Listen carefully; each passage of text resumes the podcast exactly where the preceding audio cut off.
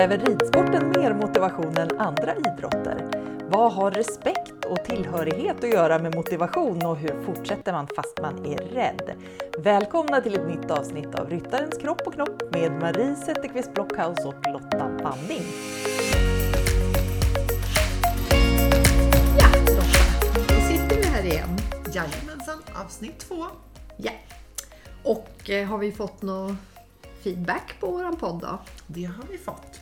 Det är lite intressant det där. Vi vet ju inte om, om de ljuger eller om det är sanning. Eh, men det som jag har hört har varit väldigt positivt. Mm. Eh, någon skrev att det var så härligt att få lyssna för att den personen hade precis börjat i ridsporten så att den ville suga till sig allt som fanns.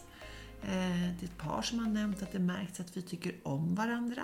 Och det gör vi, så det tycker jag är bra. Har, har du hört något? Ja, jag fick något trevligt meddelande där det stod att, att en person tyckte att vi berikar rididrotten.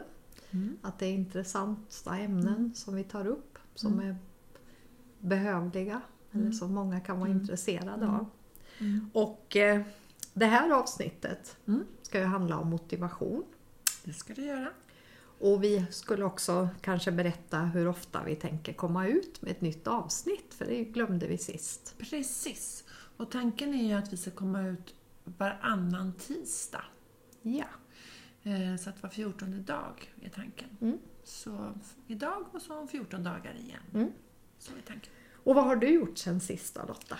Ja, vad har jag gjort sen sist? Ganska mycket. Men eh, bland annat så har jag haft dressyrkurs på Håbo ridklubb i helgen. Eh, Corona-anpassad naturligtvis, så alla fick små väskor, eller små påsar med bland annat handsprit i. Sådär. Eh, men det som var lite intressant kopplat till motivation här, tänker jag, just den kursen, det var att ämnet var faktiskt att vi skulle ha mest skrittövningar. Eh, och då kan man ju känna lite så här stress som ridlärare. Ska, ska de vara nöjda om de bara får skritta? Måste de inte få galoppera hela tiden? Och, så där. och det kanske man mer kände sig oroad över för 20 år sedan kanske. Eh, hur ska jag kunna motivera någon till att rida bara i skritt? Eh, men det var väldigt positiv feedback. Över förväntan och, och ja, svordom till och med. Jävla skit vad bra det här var, eller något sånt kom det till och med. Eh, så att, ja, det var jättespännande. Vad har du gjort? I fredag så var jag på en disputation faktiskt. Mm. Ja. Och det var Susanne Lundesjö Kvart som la fram sin avhandling som handlar om konsten att undervisa i ridning. Mm. Som bygger då på videoobservationer och intervjuer och sådär. Mm. Och, bland annat eh, då videoobservationer just av ridlektioner. Mm. Och eh, i de här intervjuerna så sa flera av de här ridlärarna att de kände sig lite grann tvungna att vara väldigt effektiva. Att det skulle hända mycket på lektionerna Mm. för att eleverna skulle bli nöjda. Mm. Och eh, då tänker jag så här att varför, varför håller man på med ridning? Vad har man för mål? Mm. Och alltså, i min, min värld så tänker jag att eh, i alla fall så är det för mig att jag vill gärna känna den här härliga kommunikationen och att jag blir ett med hästen. Att vi rör oss gemens, i en gemensam rörelse. Och, och det här umgänget med hästen och sådär. Och det står lite grann i kontrast kan jag tänka till det här eh, vissa ridlärares känsla av att det måste vara sådär jätteeffektivt och, och målinriktat och att det ska hända mycket och att det ska vara mycket tekniskt. Det kanske är viktigare det här att, att verkligen känna hur man använder sin kropp sådär än att göra en, den här perfekta skänkelvikningen från E till C Ja. eller något sånt där. Mm. Ja, det, det är mycket möjligt. Eh, Det tror jag är en viktig frågeställning som alla ridlärare och tränare ska ha. Vad, vad är ditt varför? Mm. Varför, varför har du liksom kommit till, till lektionen idag? Vad är det som gör att du är här? Ehm, Och ibland kan jag pressa faktiskt ehm, elever eller idrottare i samtal. Ja, men varför håller du på? Mm. Varför? Mm. Eh, Och jag tror att det blir ännu mer till sin spets nu för många i coronatider. Mm. Alltså hur håller vi motivationen uppe när vi inte får tävla? Mm. Om man drivs mycket av det. Eh, Och hur håller vi motivationen uppe eh, om hästen är skadad. Mm. Eller om jag själv är skadad. Mm. Eh, vad, mina egna erfarenheter och funderingar så där runt egen motivation är att jag höll på och spelade basket och simmade. Eh, men det är ju inte det jag har fortsatt med. Nej. Eh, så att för mitt varför, det är utvecklingen tillsammans med hästen. Mm. Det är mitt tydliga varför. Mm. Att kunna utvecklas tillsammans med hästen hela tiden. Mm. Så tänker jag. Eh, Jag tänker på det här Lotta, vad, vad betyder egentligen ordet motivation? Vad är det? Alltså där brukar man ju prata om att motivation handlar om riktning. Alltså den riktning som man har mot ett mål och hur mycket intensitet alltså, som man lägger i den här riktningen mot det här målet. Så att motivation handlar om helt enkelt hur vi är på väg mot ett mål. Riktningen dit. Mm. Mm. Hur motiverad är jag att fortsätta på den vägen eller Mm. stigen eller vad man nu vill benämna det som, mot det här målet. Mm. Och så vet jag att du brukar prata om det här med inre och yttre Mm. motivation. Ja, men precis. Eh, och om du drivs av mycket yttre motivation, då är det ju ofta viktigt för dig eh, den motivering du får från andra. Eh, det kan ju dels vara att du, om du kopplar det till ridning, att ja, om du har gjort den här fina skänkevikningen då, att, åh, att man kollar snabbt upp på läktaren, såg de mig nu? Och att ridläraren såg det. Eller kanske att du när du tävlar, och då tänker jag att de som kanske känner att nu är det svårt att hålla motivationen uppe under coronatider för att man inte får tävla längre. Då kanske man ska börja tänka efter ifall man drivs ganska mycket av yttre motivation. Eh, det vill säga att man vill komma iväg, vinna, få berömmelse, uppmärksamhet för det man gör. Och att det lägger på eh, insättningar i sitt motivationskonto. Eh, och kan man ju inte tävla nu då under coronatider så blir ju det lite svårt då. Om man drivs kraftigt utav den yttre motivationen, utav andras bekräftelse. Till skillnad mot den inre, då handlar det ju mer om att det är du själv som har bestämt det här. Det är självbestämt. Du vill ingenting hellre än det här. Det är det här du vill hålla på med. Du vill se den här utvecklingen. Du vill hitta egna lösningar tillsammans med någon kanske. Men när du har gjort den där skänkevikningen så räcker det med att du själv känner tillsammans med din häst i det här fallet att det faktiskt gick. Du behöver inte söka den där bekräftelsen utifrån. Eh, Så tänker jag kopplat till de här två olika begreppen. Jag kan ibland vara lite, bli lite förvånad när jag tänker tillbaka så där på att jag faktiskt fastnade för ridning. Därför att eh, jag började och gick en kurs på Valla, Valla ponnyklubb där och det var en sån här eh, häst... Ja, det var både man skötte hästarna och red någon sån här slags häst skola eller sådär på den tiden. Och sen så tog den här... Ponnyskola kallades Ja, det. kanske Ja. var. Då tog den där terminen slut och då ville jag fortsätta rida men det fanns ingen grupp där jag, det fanns ingen mer grupp där jag kunde kurs där jag kunde gå. Och då fixade min mamma så att jag skulle i alla fall få åka dit på lördagar och så skulle några äldre elever där hjälpa mig då. De var väl något år eller äldre. Och eh, då fick jag rida på Bibi, en shetlandsponny. Och eh, då fick de för sig, de frågade om jag ville lära mig galoppera. Ja, det ville jag ju då. Så att då gick de ut med mig på ett jättestort fält. Och sen sprang de igång Bibi. Och då galopperade hon över hela fältet där och jag var jätteglad. Det var bara det att när jag kom till slutet av fältet så tvärstannade Bibi, körde ner huvudet och jag ramlade av. Plopp. Ja. Då sprang de där tjejerna efter, ryckte upp huvudet på Bibi, slängde upp mig, satte fart på henne och så galopperade jag i full galopp över fältet. Och så tvärnitade hon och så ramlade jag av. Men så, ibland kan jag tänka så här, och jag var ju skiträdd. Alltså varför fortsatte jag? Men jag ville verkligen det. Och även jag dansade ballett, spelade piano. Men eh, så småningom lyckades det tog några år men så småningom lyckades jag övertala min mamma att, att nej, det där med ballett och piano, det får jag nog lägga på hyllan. Ja, att, att fortsätta fast man är rädd, Mm. eh, då måste det ju vara enormt mycket inre drivkraft som, Mm. som håller igång en, tänker jag. Mm. Det finns ju de som är rädda och så vet, ser man att det är föräldrarna som trycker på, trycker på, trycker på, trycker på. Men det håller ju inte i längden. Alltså. Nej. Det... Nej, det tror Så jag att det är väl en sak. Men det är skillnad på påtryckning och stöd, tänker Mm. jag. Det är ju två Ja, det är sant. helt skilda saker. Det är en sak om föräldrar är stöttar brottande fast man är rädd. Mm. Eller om man trycker på. Eh, att det är ett, liksom... Jag hade en gång för många år sedan så var det en pappa som var väldigt upprörd över att, att dottern inte ville galoppera. För jag frågade alltid när jag hade ponnylektionerna om, om vilka vill galoppera. Ni som inte vill ställer på medellinjen. Och hon var en av de som alltid ställde sig där. Och här var han lite upprörd över och tyckte att han betalade så himla mycket och då kunde hon väl ändå galoppera. Liksom. Och då frågade jag till slut, för vems skull ska hon galoppera? För vems skull?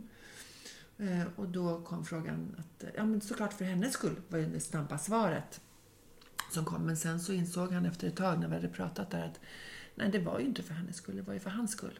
Så att han var ju egentligen mer motiverad, om vi ska koppla det till begreppet motivation, så var ju han mer motiverad till att hon skulle galoppera än vad hon själv var motiverad till att hon skulle galoppera. Och sen, och hon rider fortfarande, så att hon fortsätter. Men hon behövde lite tid bara och hitta sin egen motivation till galoppen. Och jag har faktiskt sett väldigt många barn som har varit väldigt rädda men som ändå har kommit över det där. Och Jag tror att det har mycket att göra med det här om man har att som barn kan man vara väldigt, eh, bli väldigt rädd av att man inte har kontroll. Mm. Så kan det vara. Eh, men, men där tycker jag också att det handlar jättemycket om att man har sett de barn som kan räkna ut konsekvenstänk. Att jag kan ramla av om jag gör det här. Då är det nästan svårare tycker jag att motivera när det här konsekvenstänket har börjat komma in. Om man ska göra någonting man är rädd för.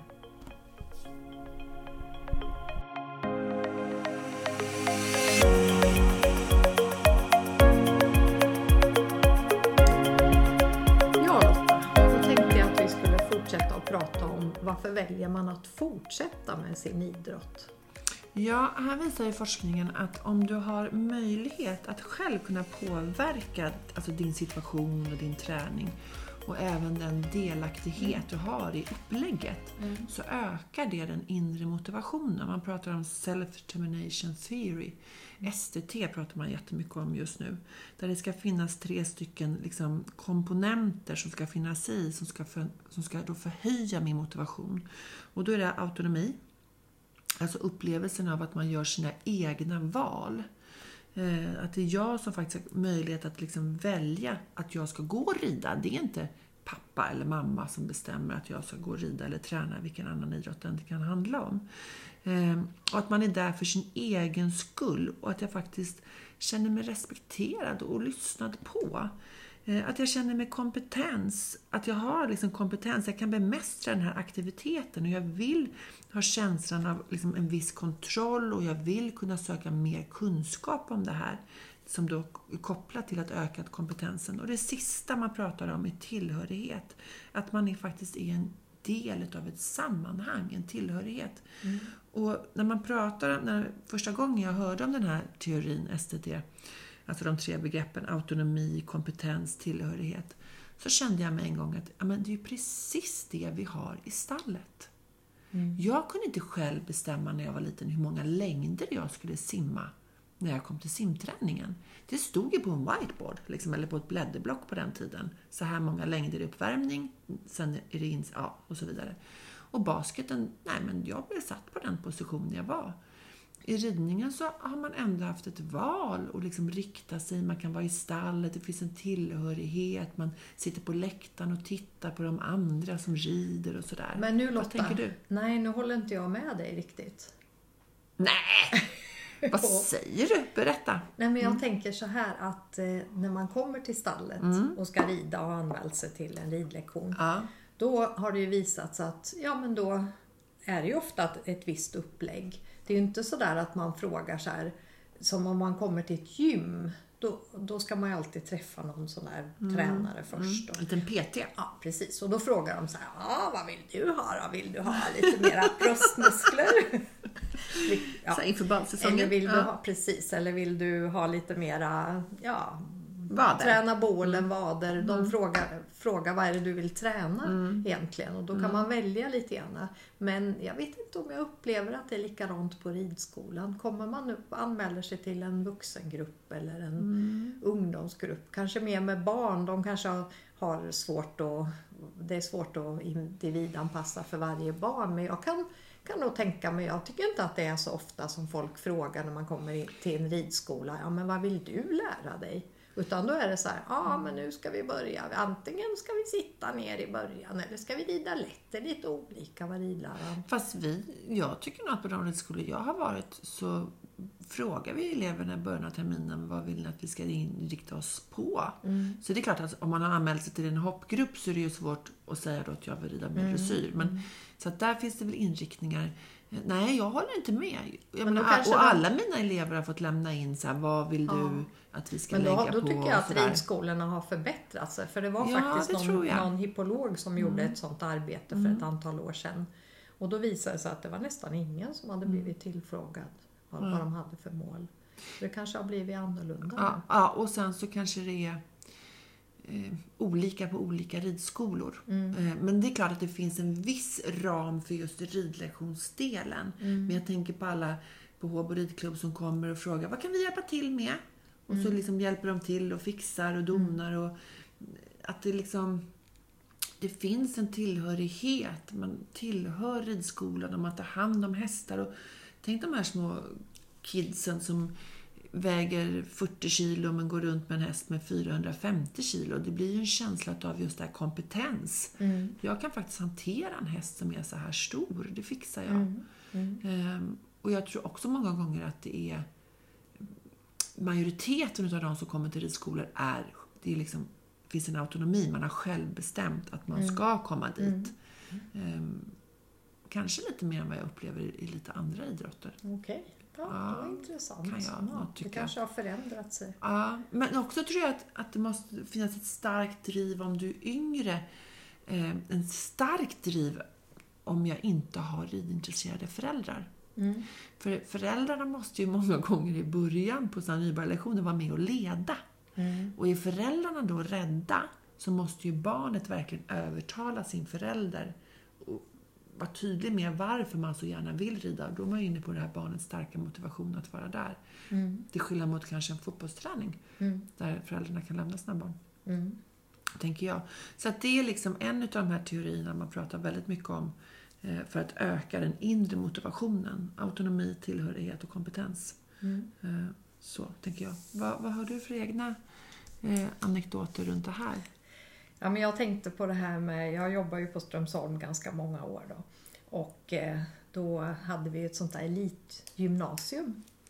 Och eh, då var det en tjej som heter Louise Haga som nu är Ja, som jag har jobbat med i många år. tränare. Och då vet jag att Sylve Söderstrand då, som han sa någon gång så här att ja, eleverna bodde i nya ridhuset där i, olika rum. Det var förläggning och ridhus i samma hus. Och då sa han att Ja, den där, sa Sylve Söderstrand, att den där Louise Haga, är det någon träning på kvällen, då kommer hon utrus, inrusande, om det så är i tofflor och morgonrock. Hon satt alltid på läktaren och var nyfiken. Hon ville verkligen lära sig. Och hon var inte den som var den bästa när hon började gymnasiet, men hon hade en enorm utveckling. Och det såg jag också, vissa elever, de kom in, de red och grejade, men de hade inte någon jätteutvecklingskurva. Medan andra kunde ha en enorm utvecklingskurva. Och det var nästan så att det var de som man minst anade som blev de bästa sen. Därför att det krävs så enormt mycket i ridningen. Alltså det tar ju sån tid att sköta hästar och, och det tar tid att bli bra. Man måste rida massor och hålla Mm. vara i stallet, lära känna hästarna och det finns mycket som kan hända på vägen. Så man måste ha en, på något sätt i ridningen nästan en liten extra motivation kan jag tänka mig. Eller vad säger du Lotta? Jämfört med andra idrotter. Alltså, det där tror jag ibland, kan- kanske lite grann det vi pratade om förra veckan, en vald sanning att vi lägger så mycket tid. Titta på konståkningen, titta på gymnastiken. Herregud. Eller simmare för den del. Som simmar så enormt mycket. Eh, Men det är klart att skillnaden här är väl att även om vår häst är skadad så måste vi vara där och ta hand om hästen om vi har en egen häst. Eh, Och då kommer man väl in på det här andra begreppet som man pratar mycket om, greet. eh, Som Angela Duckworth har skrivit om. Och att det finns, vad som någon sa på en föreläsning var, är det någon som har greet så är det hästtjejer. Mm. Eh, och jag, man kan väl översätta det till jävlar anamma. Mm. Att, att det, det finns bara där. Man har liksom den här mm, envisheten. Att man, man ska faktiskt fortsätta. Man avslutar det man har påbörjat. Och man är flitig och man ger inte upp. Trots att det liksom blir motgångar och misslyckanden. Eh, man får tugga grus som många säger och sådär. Eh, och man sätter upp långsiktiga mål och man håller faktiskt fast vid de här långsiktiga målen. Och man fortsätter att ha fokus på det här. Man liksom gnatar på hela, hela tiden. Och om vi ska koppla tillbaka till Louise Haga som jag har jobbat ihop med mycket med NIU-eleverna så har ju hon visat en enormt, jag tänker på den skadan hon var med om, den fruktansvärda ridolyckan hon var med om för många år sedan. Mm. Samtidigt som de hade köpt den här stora gården. Ehm, Men envist bara fortsatte. Det stämmer ju ganska bra Mm. överens med, jag berättade ju om i förra avsnittet om en intervju som jag gjorde med väldigt duktiga Mm. Ja, internationella hopptränare.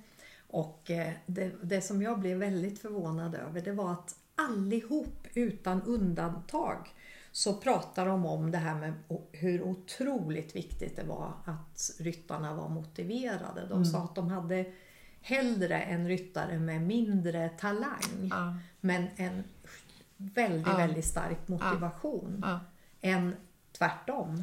Och de gav exempel på ryttare som de hade haft som hade tränat år efter år efter år. Och de hade tänkt att ja, men det här blir aldrig någon riktig elitryttare. Och sen rätt som det är så bara ramlade tioöringen ner. Mm. Och så blev de, jätte, om inte Malin Baryard nivå så i alla fall på en väldigt, väldigt hög nivå.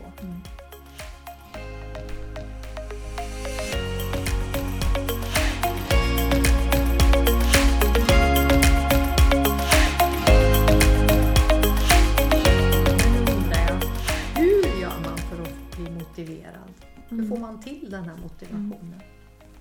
Ja, alltså ofta så är det ju så att när man har motivationen så kanske man inte så mycket reflekterar över vad är det jag har just nu som gör att jag är motiverad. Vad är det som gör just nu att jag har så mycket på mitt motivationskonto? Så att jag känner att jag kan göra stora uttag från det mot mitt mål som jag kanske har satt upp.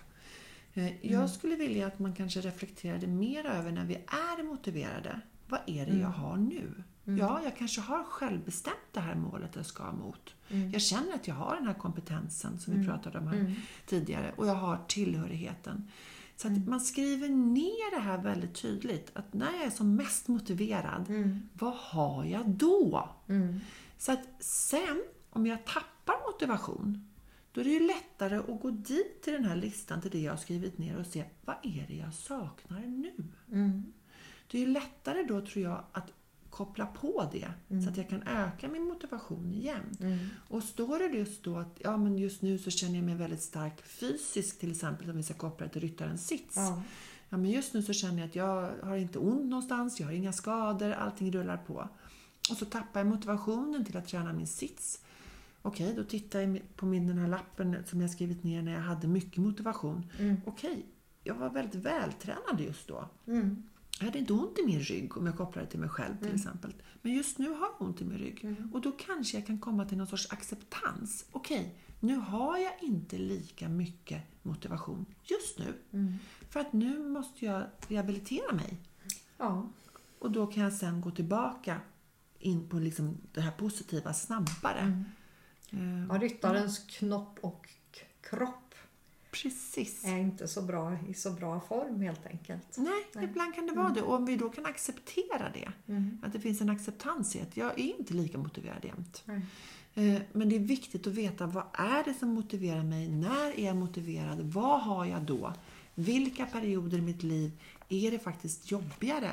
Och ibland så sätter man ju kanske också ett mål utifrån det här motivationskontot och så glömmer vi bort att ha koll på om vi drivs mycket av yttre motivation och helt plötsligt så kommer vi inte iväg, som nu i coronatider, eh, mycket och kan träna och träffa andra och få höra hur duktig jag är. Eh, men det kan ju också vara så att helt plötsligt så, så har vi ett nytt jobb, mycket i skolan.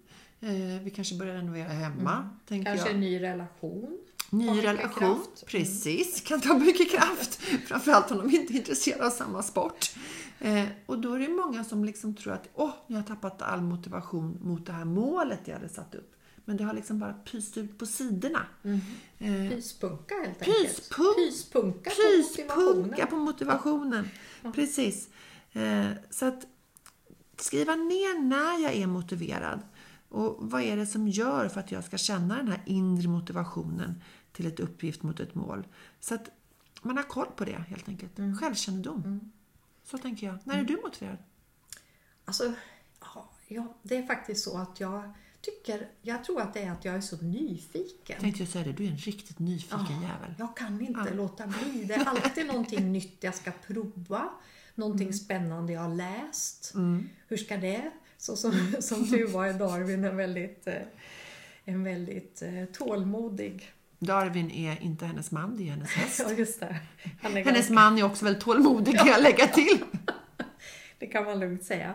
Men jag tänker på det här också med viljan att förändras. Ja. Och eh, då är det ju så här att eh, jag upplever att när man jobbar med ryttare så säger man så här att till exempel att ja, alltså du skulle verkligen behöva jobba med dina bålmuskler så att du blir lite starkare och kan faktiskt inverka lite på hästen. Eller du lägger alltid omkull din vänsterhand. Och vad säger ryttarna då? Det har jag hört förut. Det har jag hört så många gånger. Det säger alla tränare. Ja, jag vet. Sån är Ja. jag. Precis. Till exempel. Ja. Och då är frågan, ska man bara acceptera det då? Eller ska man ta tag i det? Ja, naturligtvis. Ibland tycker jag man kan, kan man höra ryttare som säger, säger precis det du säger. Och så i andra meningen kan du också säga så här. Ja, och det har jag sett den elitryttaren eller så. Ja, den gör det också. Ja. Och då brukar jag lägga till. Ja, det är en elitrytt, elitryttare. Himmel så svårt ord det där var. Elitryttare. Trots att han eller hon eller hen lägger ner den där handen. Precis. Trots. Vill du chansa? Brukar jag säga då. Då kan jag vara lite skarp. Och så brukar jag ofta tänka på vad Kyra brukar säga. If you always do what you always did, you always get what you always got. If you don't like it, change it. Och då måste vi in i förändringen. Om jag inte gillar att jag alltid får ont i ryggen eller får ont i armen eller att min häst inte kommer igenom innersidan. Ja, men då måste jag ju ändra någonting. Och jag måste säga att ibland så är jag lite nästan för motiverad.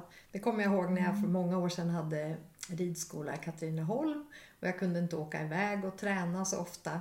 Då skrev jag små lappar på väggen där jag skrev då att eh, vad jag, tränaren hade sagt till exempel att du måste flytta bak, räta ut benet och flytta bak din skänkel. Och jag bara flytta tillbaka skänkeln och jag flyttar tillbaks den och flyttar tillbaks den och flyttar tillbaks den. Och sen kom jag till tränaren efter en månad och då sa tränaren så här, men Marie, du har ju benet bakom, sa den. Därför att jag hade ju tränat och tränat och tränat. Så att det är ju viktigt också att man har eh, någon slags avstämning. Någon sorts balans Ja. kanske i motivationen. Eh, Men jag tänkte just också att man i, i varje dag i ridningen att man inte bara tänker så här att ah, men nu ska jag rida lite. Utan att man tänker på vad är det jag vill uppnå med det här ridpasset. Vad är det jag vill? Och att, att man koncentrerar sig på man får ta ett, ett fel i taget för det är svårt att rätta till allting. Men man måste verkligen, eh, eftersom man rider ju ofta ganska mycket själv också. När man inte har en tränare med sig. Och Oh ja. måste man vara sin egen tränare och, och, om man vill förändra och förbättra Precis. någonting. Mm. Och då tror jag att det är viktigt att man har skrivit ner, alltså vad är det som motiverar mig? Var, vilken till, var, var ska jag vara? I vilket sammanhang ska jag vara? Var får jag motivation? En av de roligaste motivationstider som jag har haft egentligen, det var när jag stod med min häst på Enköpings ridklubb. Eh, Dels därför att det var ett himla härligt gäng som jobbade där. Eh, Det var roligt att, att träffa all personal där och sådär. Men på morgnarna så red Gunilla Byström. Eh, Och då hade jag förmånen att många gånger rida samtidigt som Gunilla. Eh, Och då kunde man sitta och titta på när hon red sina fina hästar. Och, och, liksom, och så tränade jag för Gunilla då också. Eh, Och där var jag verkligen i ett sammanhang. Bra, alltså bra eh, ridhus, bra underlag, bra förutsättningar för att få motivation. Eh, Så att, För det har ju Ja. också visat sig att är man i en motiverande miljö Exakt, och exakt. har hela tiden förebilder och tränar tillsammans med, då dras man ju med. Det Precis. heter något speciellt, nivellerings, någonting sånt Ja. där, att man dras upp eh, av de som är bättre. Ja, absolut. Och då är man inne på det här med tillhörighet. Eh, Att vara i tillhörighet. Så är det absolut.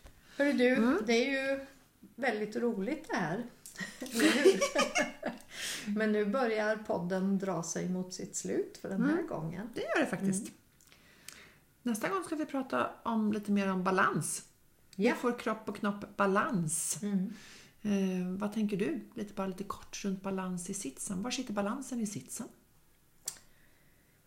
Ja du, den sitter både i kroppen och i knoppen kan man säga. Ja. För att en spänd knopp Mm. gör en spänd kropp och tvärtom. Och tvärtom. Så att det gäller att, att hitta balans både fysiskt och, och mentalt. Mm. Absolut. Så om vi ska knyta ihop det här nu då. För att hålla motivationen uppe, hitta ert varför. Varför håller jag på med det här? Se till att det är självbestämt, det ni gör. Ehm, Se till att känna efter, drivs jag av inre eller yttre motivation? Skriv ner när ni är som mest motiverade så ni vet vad ni saknar om ni tappar motivationen. Se till att känna att ni har kompetens att faktiskt utföra det ni ska göra. Eller söker till där det finns kompetens och då är vi inne på tillhörighet. Att känna ett sammanhang där man är. Det tror jag är viktiga aspekter. Ja. Och om man vill förändra någonting så är det bara man själv som kan bestämma det. Vill man Precis. förändra sin handställning, vill man få bli smidigare på hästryggen eller starkare i bålen, då är det bara man själv som kan ta tag i det här. Ja, Och det kommer också att komma tillbaks i ett senare avsnitt. ja, det gör det. Tack för idag! Tack för idag! Hej hej! Hej hej!